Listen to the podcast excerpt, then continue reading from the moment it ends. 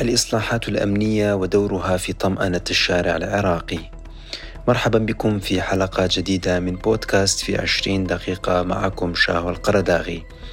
سنتحدث في هذه الحلقة عن ضرورة إجراء الإصلاحات الأمنية في المؤسسات الأمنية العراقية وخاصة بعد سلسلة من الانتهاكات الصارخة بحق حقوق الإنسان وأيضا الجرائم والمجازر التي ارتكبت من قبل جهاز أمني عراقي.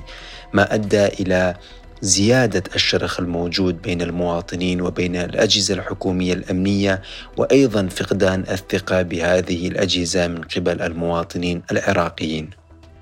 يعاني العراق من الكثير من المشاكل الأمنية منذ عام 2003 حيث مر البلاد بالكثير من موجات العنف والفوضى الأمنية نتيجة لظهور الكثير من الجماعات الإرهابية المتطرفة التي عملت على تشكيل بيئة مضطربة امنيا مما دفع الكثير من المواطنين إلى الهجرة إلى خارج البلاد والبحث عن بيئة أفضل أكثر استقرارا. وبالتزامن مع ذلك فشلت القوى السياسية العراقية في بناء أجهزة أمنية حيادية واحترافية قادرة على اكتساب ثقة المواطنين والتعامل بحيادية مع كافة الشرائح والمكونات العراقية. حيث عملت الأطراف السياسية العراقية ومنذ تأسيس النظام الجديد في عام 2003 بعد التدخل الأمريكي إلى خلق أجهزة أمنية ضعيفة ومخترقة من قبل الأطراف الميليشياوية وأيضا بالتزامن مع ذلك تم بناء وتأسيس الكثير من الميليشيات والفصائل المسلحة والأذرع المسلحة للأحزاب السياسية حتى يتم السيطرة على هذه الأجهزة الأمنية ويتم استخدامها لتصفية الحسابات السياسية بين الأطراف السياسية الحاكمة بدل أن تتحول إلى أجهزة احترافية قادرة على توفير الأمن والاستقرار للمواطنين.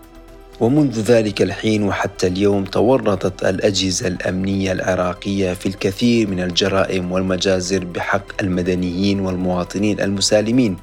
دون أن يدفع ذلك المسؤولين إلى إعادة النظر في تركيبة وتكوين هذه الأجهزة وضرورة إجراء مراجعة وتقييم شامل لها لإنهاء هذه الظواهر المتكررة والمستمرة وإنهاء التصور السلبي الموجود لدى المواطنين لهذه الأجهزة والقوى الأمنية التي تشكل الأساس الرئيسي لبناء وتكوين دولة قوية وخاصة أن العراق بحاجة إلى مؤسسات أمنية قريبة من المواطنين والشارع العراقي حتى لا يسمح للجماعات المتطرفة والإرهابية بالعودة وبناء الحاضنة الشعبية مجددا عن طريق استغلال أخطاء القوات الأمنية وطريقة تعاملها الخاطئ مع الكثير من الملفات الأمنية وتعاملها مع المدنيين بصورة سيئة.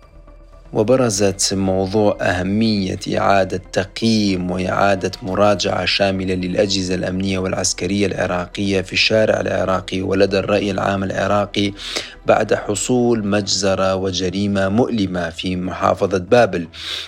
حيث قبيل ساعات من استقبال العام الجديد 2022 ضجت الأوساط العراقية بحادثة مقتل 20 شخصا من عائلة واحدة في جبيلة بمحافظة بابل حيث وصفت الحادثة بالمجزرة بحق عائلة كاملة.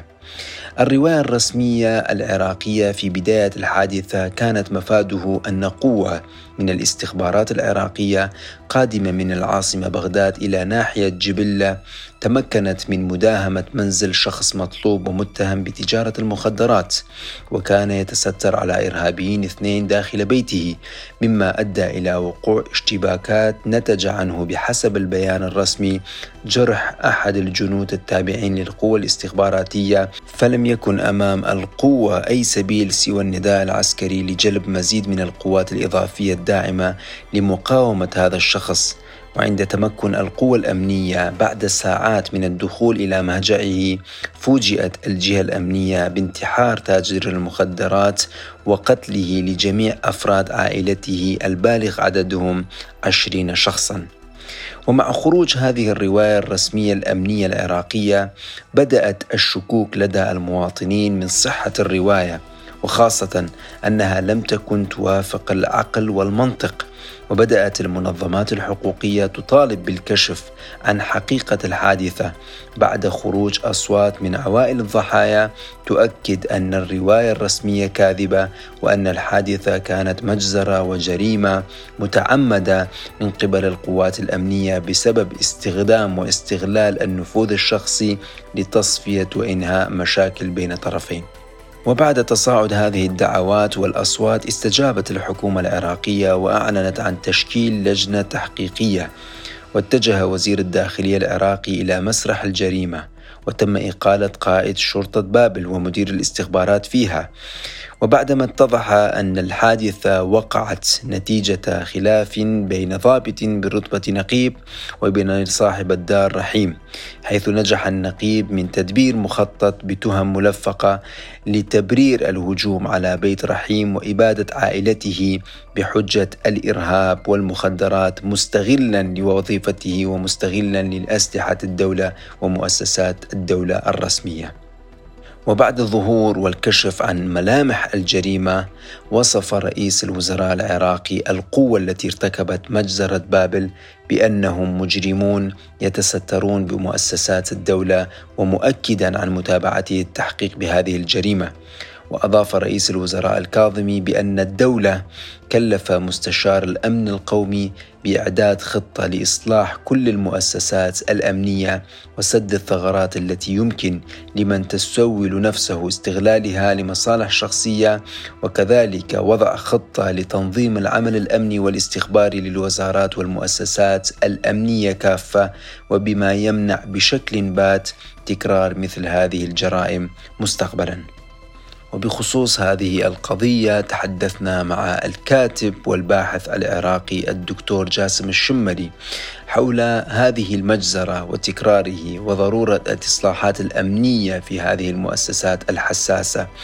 وسألناه عن دور القوات الأمنية بشكل عام في ضبط الأمن وكيفية تأسيس القوات الأمنية العراقية بعد عام 2003 لا يخفى علينا جميعا الدور المهم الذي تلعبه القوات الأمنية في ضبط وإدارة وترتيب الأمور العامة في الدولة.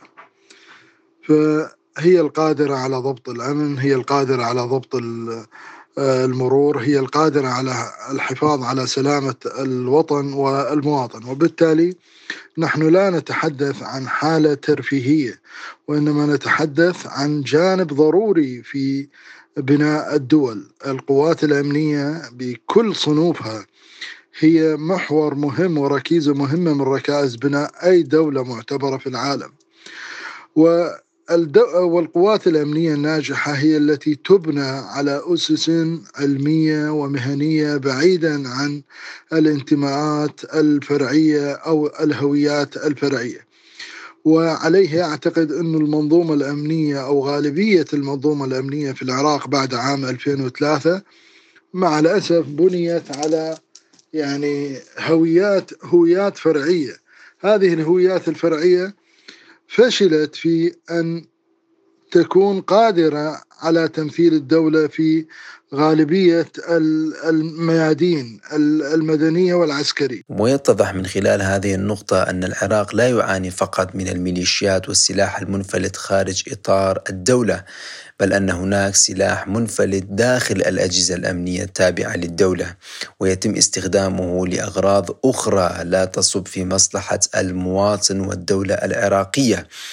وانطلاقا من ذلك نسأل الدكتور لماذا يزداد ظاهرة الجرائم من قبل القوات الأمنية الرسمية؟ التجارب الماضية أثبتت أن الكثير من القوى الأمنية مخترقة وأنها غير قادرة على التخلص من القوى الشريرة المتغلغلة داخل القوات الأمنية في العراق وعليه يفترض بمن يريد أن يبني القوات الأمنية أن يسعى لتصفيتها من القوى الشريرة وأن يبعد هؤلاء عن آه، القرار السياسي عن استخدام السلاح المنفلت. وكل ذلك من أجل إبقاء بين هلالين هيبة الدولة. لأنه لا يمكن أن نتصور مع الظلم أن تبقى هنالك هيبة لأي دولة من الدول. لدينا عديد من التجارب المريرة ارتكبتها مع الأسف القوات الأمنية في العراق. في ديالى في صلاح الدين في الموصل وجميعها كانت بحجة مكافحة الإرهاب. وربما الجريمة الأخيرة التي ارتكبت في منطقة جبلة في محافظة بابل الجنوبية كانت جريمة جريمة غريبة جدا. يعني حينما نتحدث عن ضابط برتبة نقيب يمكنه تحريك قوات عسكرية كاملة من بغداد إلى محافظة أخرى. وهي محافظة بابل وتمر من بغداد إلى مكان الضحايا دون أن توقف من أي سيطرة من السيطرات الموجودة على الطريق. ثم ترتكب جريمة كبرى بمقتل أكثر من عشرين فردا بينهم أطفال يعني أكثر من عشرة أطفال يعني قتلوا في هذه الجريمة البشعة. هذا يؤكد دلالة ويشير إلى يعني دلالة كبيرة على أنه هذه القوات لا يوجد من يعطيها الأوامر الواضحة في تنفيذ الحركات أو تحركاتها الميدانية في في البلاد. إذا أعتقد أنه جريمة جبلة كانت القشة التي قصمت ظهر البعير ويفترض بالحكومة وبالأجهزة الأمنية أن تعيد النظر في آليات إعطاء الأوامر للقوات الأمنية. يعني ماذا يمكن أن يفعل ضابط برتبة لواء أو فريق؟ آه، حينما نرى أن ضابطا برتبة نقيب يمكنه أن يحرك قوات من محافظة إلى أخرى دون دراية المحافظة المتوجهة إليها القوة الأمنية. إذا هذا يثير الكثير من الأسئلة. يفترض أن تكون هذه الآليات واضحة. وأن أن تنفذ من قبل آه، قوة تمتلك يعني إرادة قانونية ويكون هنالك أوامر قبض وهنالك علم للمحافظات جميعها بهذه الإجراءات ثم تنفذ هذه الإجراءات من أجل تطبيق القانون. أما الفوضى في تطبيق القانون فأعتقد أن هذا الأمر لا يمكن أن يقود إلى, إلى, إلى بناء دولة. وأخيرا نسأل الدكتور جاسم عن واجب الدولة والحكومة تجاه هذه القضايا والظاهرة الخطيرة داخل الأجهزة الأمنية وكيفية العمل على منع تكرارها وأيضا ما هي الآثار السلبية لهذه الجرائم على سمعة الأجهزة الأمنية وخاصة أن العراق يمر بمرحلة انتقالية ومرحلة مهمة في تاريخه بعد التخلص من الإرهاب الداعشي وأيضا مواجهته لنوع آخر من الإرهاب وهو الإرهاب الميليشياوي.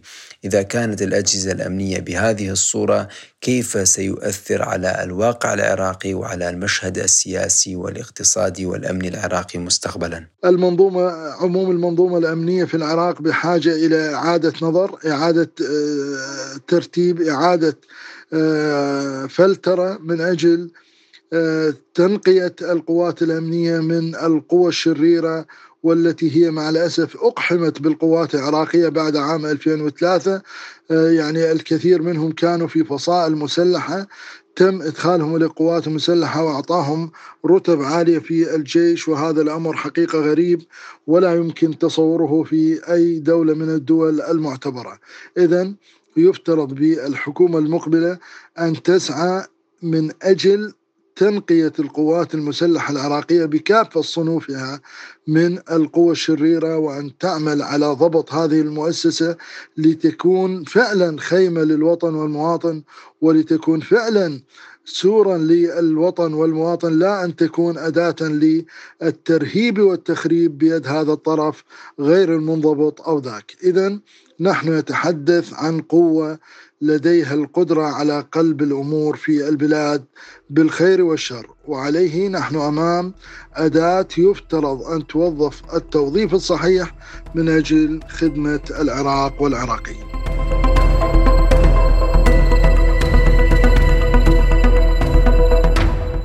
وكما أثارت هذه الجريمة الشارع العراقي وأحدثت غضبا كبيرا لدى المواطنين العراقيين حيث طالبوا الدولة والحكومة والقضاء العراقي بإيقاع أشد العقوبات على المتورطين في تنفيذ هذه الجريمة. أيضا صدرت الكثير من البيانات الحقوقية من المنظمات الحقوقية الداخلية والخارجية التي طالبت بإنهاء ملف الانتهاكات الأمنية التي أدت خلال السنوات الماضية وخاصة مستغلا شعار مكافحة الإرهاب إلى إيقاع الكثير من الانتهاكات والجرائم بحق المدنيين. والكثير منها مسكوت عنه بسبب خوف المقابل من اتهامه بأنه إرهابي وأيضا عدم وجود ملاحقة كاملة قانونية للمتورطين في هذه الجرائم لأنهم يستغلون المناصب الأمنية الرسمية. وفيما يتعلق بهذا الأمر قال المصدر العراقي لحقوق الإنسان إن السلطات العراقية الأمنية حاولت تضليل الرأي العام للتغطية على الجريمة التي ارتكبها قوات سوات العراقية واتهمت صاحب المنزل بالمتاجرة في المخدرات في محاولة منها لكسب عطف الشارع ضد الضحايا. وقد أكد المرصد على الحاجة لتضمين مناهج التدريب المتبعة داخل المعسكرات العراقية التي تتولى إعداد الضباط والمقاتلين لمختلف الأجهزة الأمنية العسكرية مبادئ حقوق الإنسان والتأكد من سلامتهم النفسية ومتابعتهم من خلال خدمتهم وقيامهم بالواجبات الموكلة إليهم. كما طالب المرصد العراقي لحقوق الإنسان القوات الأمنية العراقية بإيقاف التعامل مع المصادر المقلقة والتثبت من الإبلاغات. وأن تسلك هذه الأخيرة الصيغ القانونية قبل الإقدام على أي فعل أمني حيث أن لدى العراق سلسلة طويلة من المخالفات القانونية التي تتعلق بالإبلاغات الكاذبة والتي أدت إلى القتل أو الحبس بتهم كيدية. وبخصوص هذه النقطة تعهد رئيس الوزراء العراقي بالعمل على متابعة القضايا التي تحمل تهم كيدية مؤكدا ضرورة إعادة النظر في التقييم الأمني لبعض العناصر الأمنية. ويبدو واضحا من خلال الاستجابة السريعة للحكومة العراقية أن الحكومة الحالية أدركت تماما وجود الكثير من الأخطاء في بنية وتكوين المؤسسات الأمنية العراقية وأن هذه الأخطاء تسبب دائما وقوع مجازر كبيرة بحق المواطنين المدنيين. وأنه في الوقت السابق أيضا تم ارتكاب الكثير من الجرائم والمجازر بحق عوائل كاملة بحجة الإرهاب ولم يتم فتح أي تحقيق في هذه الجرائم لأن القوات الأمنية حينها استغلت شعار مكافحة الإرهاب لتنفيذ هذه الجرائم والانتهاكات بحق حقوق الإنسان. وبعد ظهور حقيقة الحادثة في محافظة بابل وأن العائلة كانت هي الضحية بعكس الرواية الرسمية التي خرجت في بداية الحادثة هذا الأمر أحدث قلقا لدى العراقيين ومخاوف كثيرة من هذه الأجهزة الأمنية التي من الممكن أن تكرر هذه الحوادث مستقبلا وطالبوا بإحداث تغييرات كبيرة داخل هذه الأجهزة لمنع تكرار هذه الجرائم وأن الإصلاحات الأمنية والتقييم الفعلي الشامل والمراجعة الكاملة ضرورة سريعة لتجنب تكرار هذه الجرائم مستقبلا. كما وأكد الشارع العراقي على ضرورة استغلال هذه الفرصة ووقوع هذه المجزرة لتنظيف الأجهزة الأمنية العراقية والعسكرية من العناصر التي تشوه سمعة هذه الأجهزة وتستغل موارد ومصادر الدولة لتحقيق الأغراض الشخصية على حساب مصلحة الدولة والمواطنين. وخاصة أن تكرار هذه الحوادث دون استجابة سريعة وخطوات فعلية على أرض الواقع قد تؤدي إلى وقوع مشاكل امنيه وزيادة الشرخ بين المواطنين العراقيين وبين الحكومة والدولة العراقية ما يؤدي إلى وجود واستغلال الكثير من الجماعات المتطرفة لهذا الشرخ الموجود وأيضا تشكيلهم لحاضنة شعبية وإمكانية إدخال العراق مجددا في موجات عنف قد يؤدي إلى دخول العراق في نفق مظلم. إلى هنا انتهينا من حلقة هذا الأسبوع من بودكاست في عشرين دقيقة. شكرا لكم لحسن الاستماع وإلى اللقاء في الحلقات القادمة.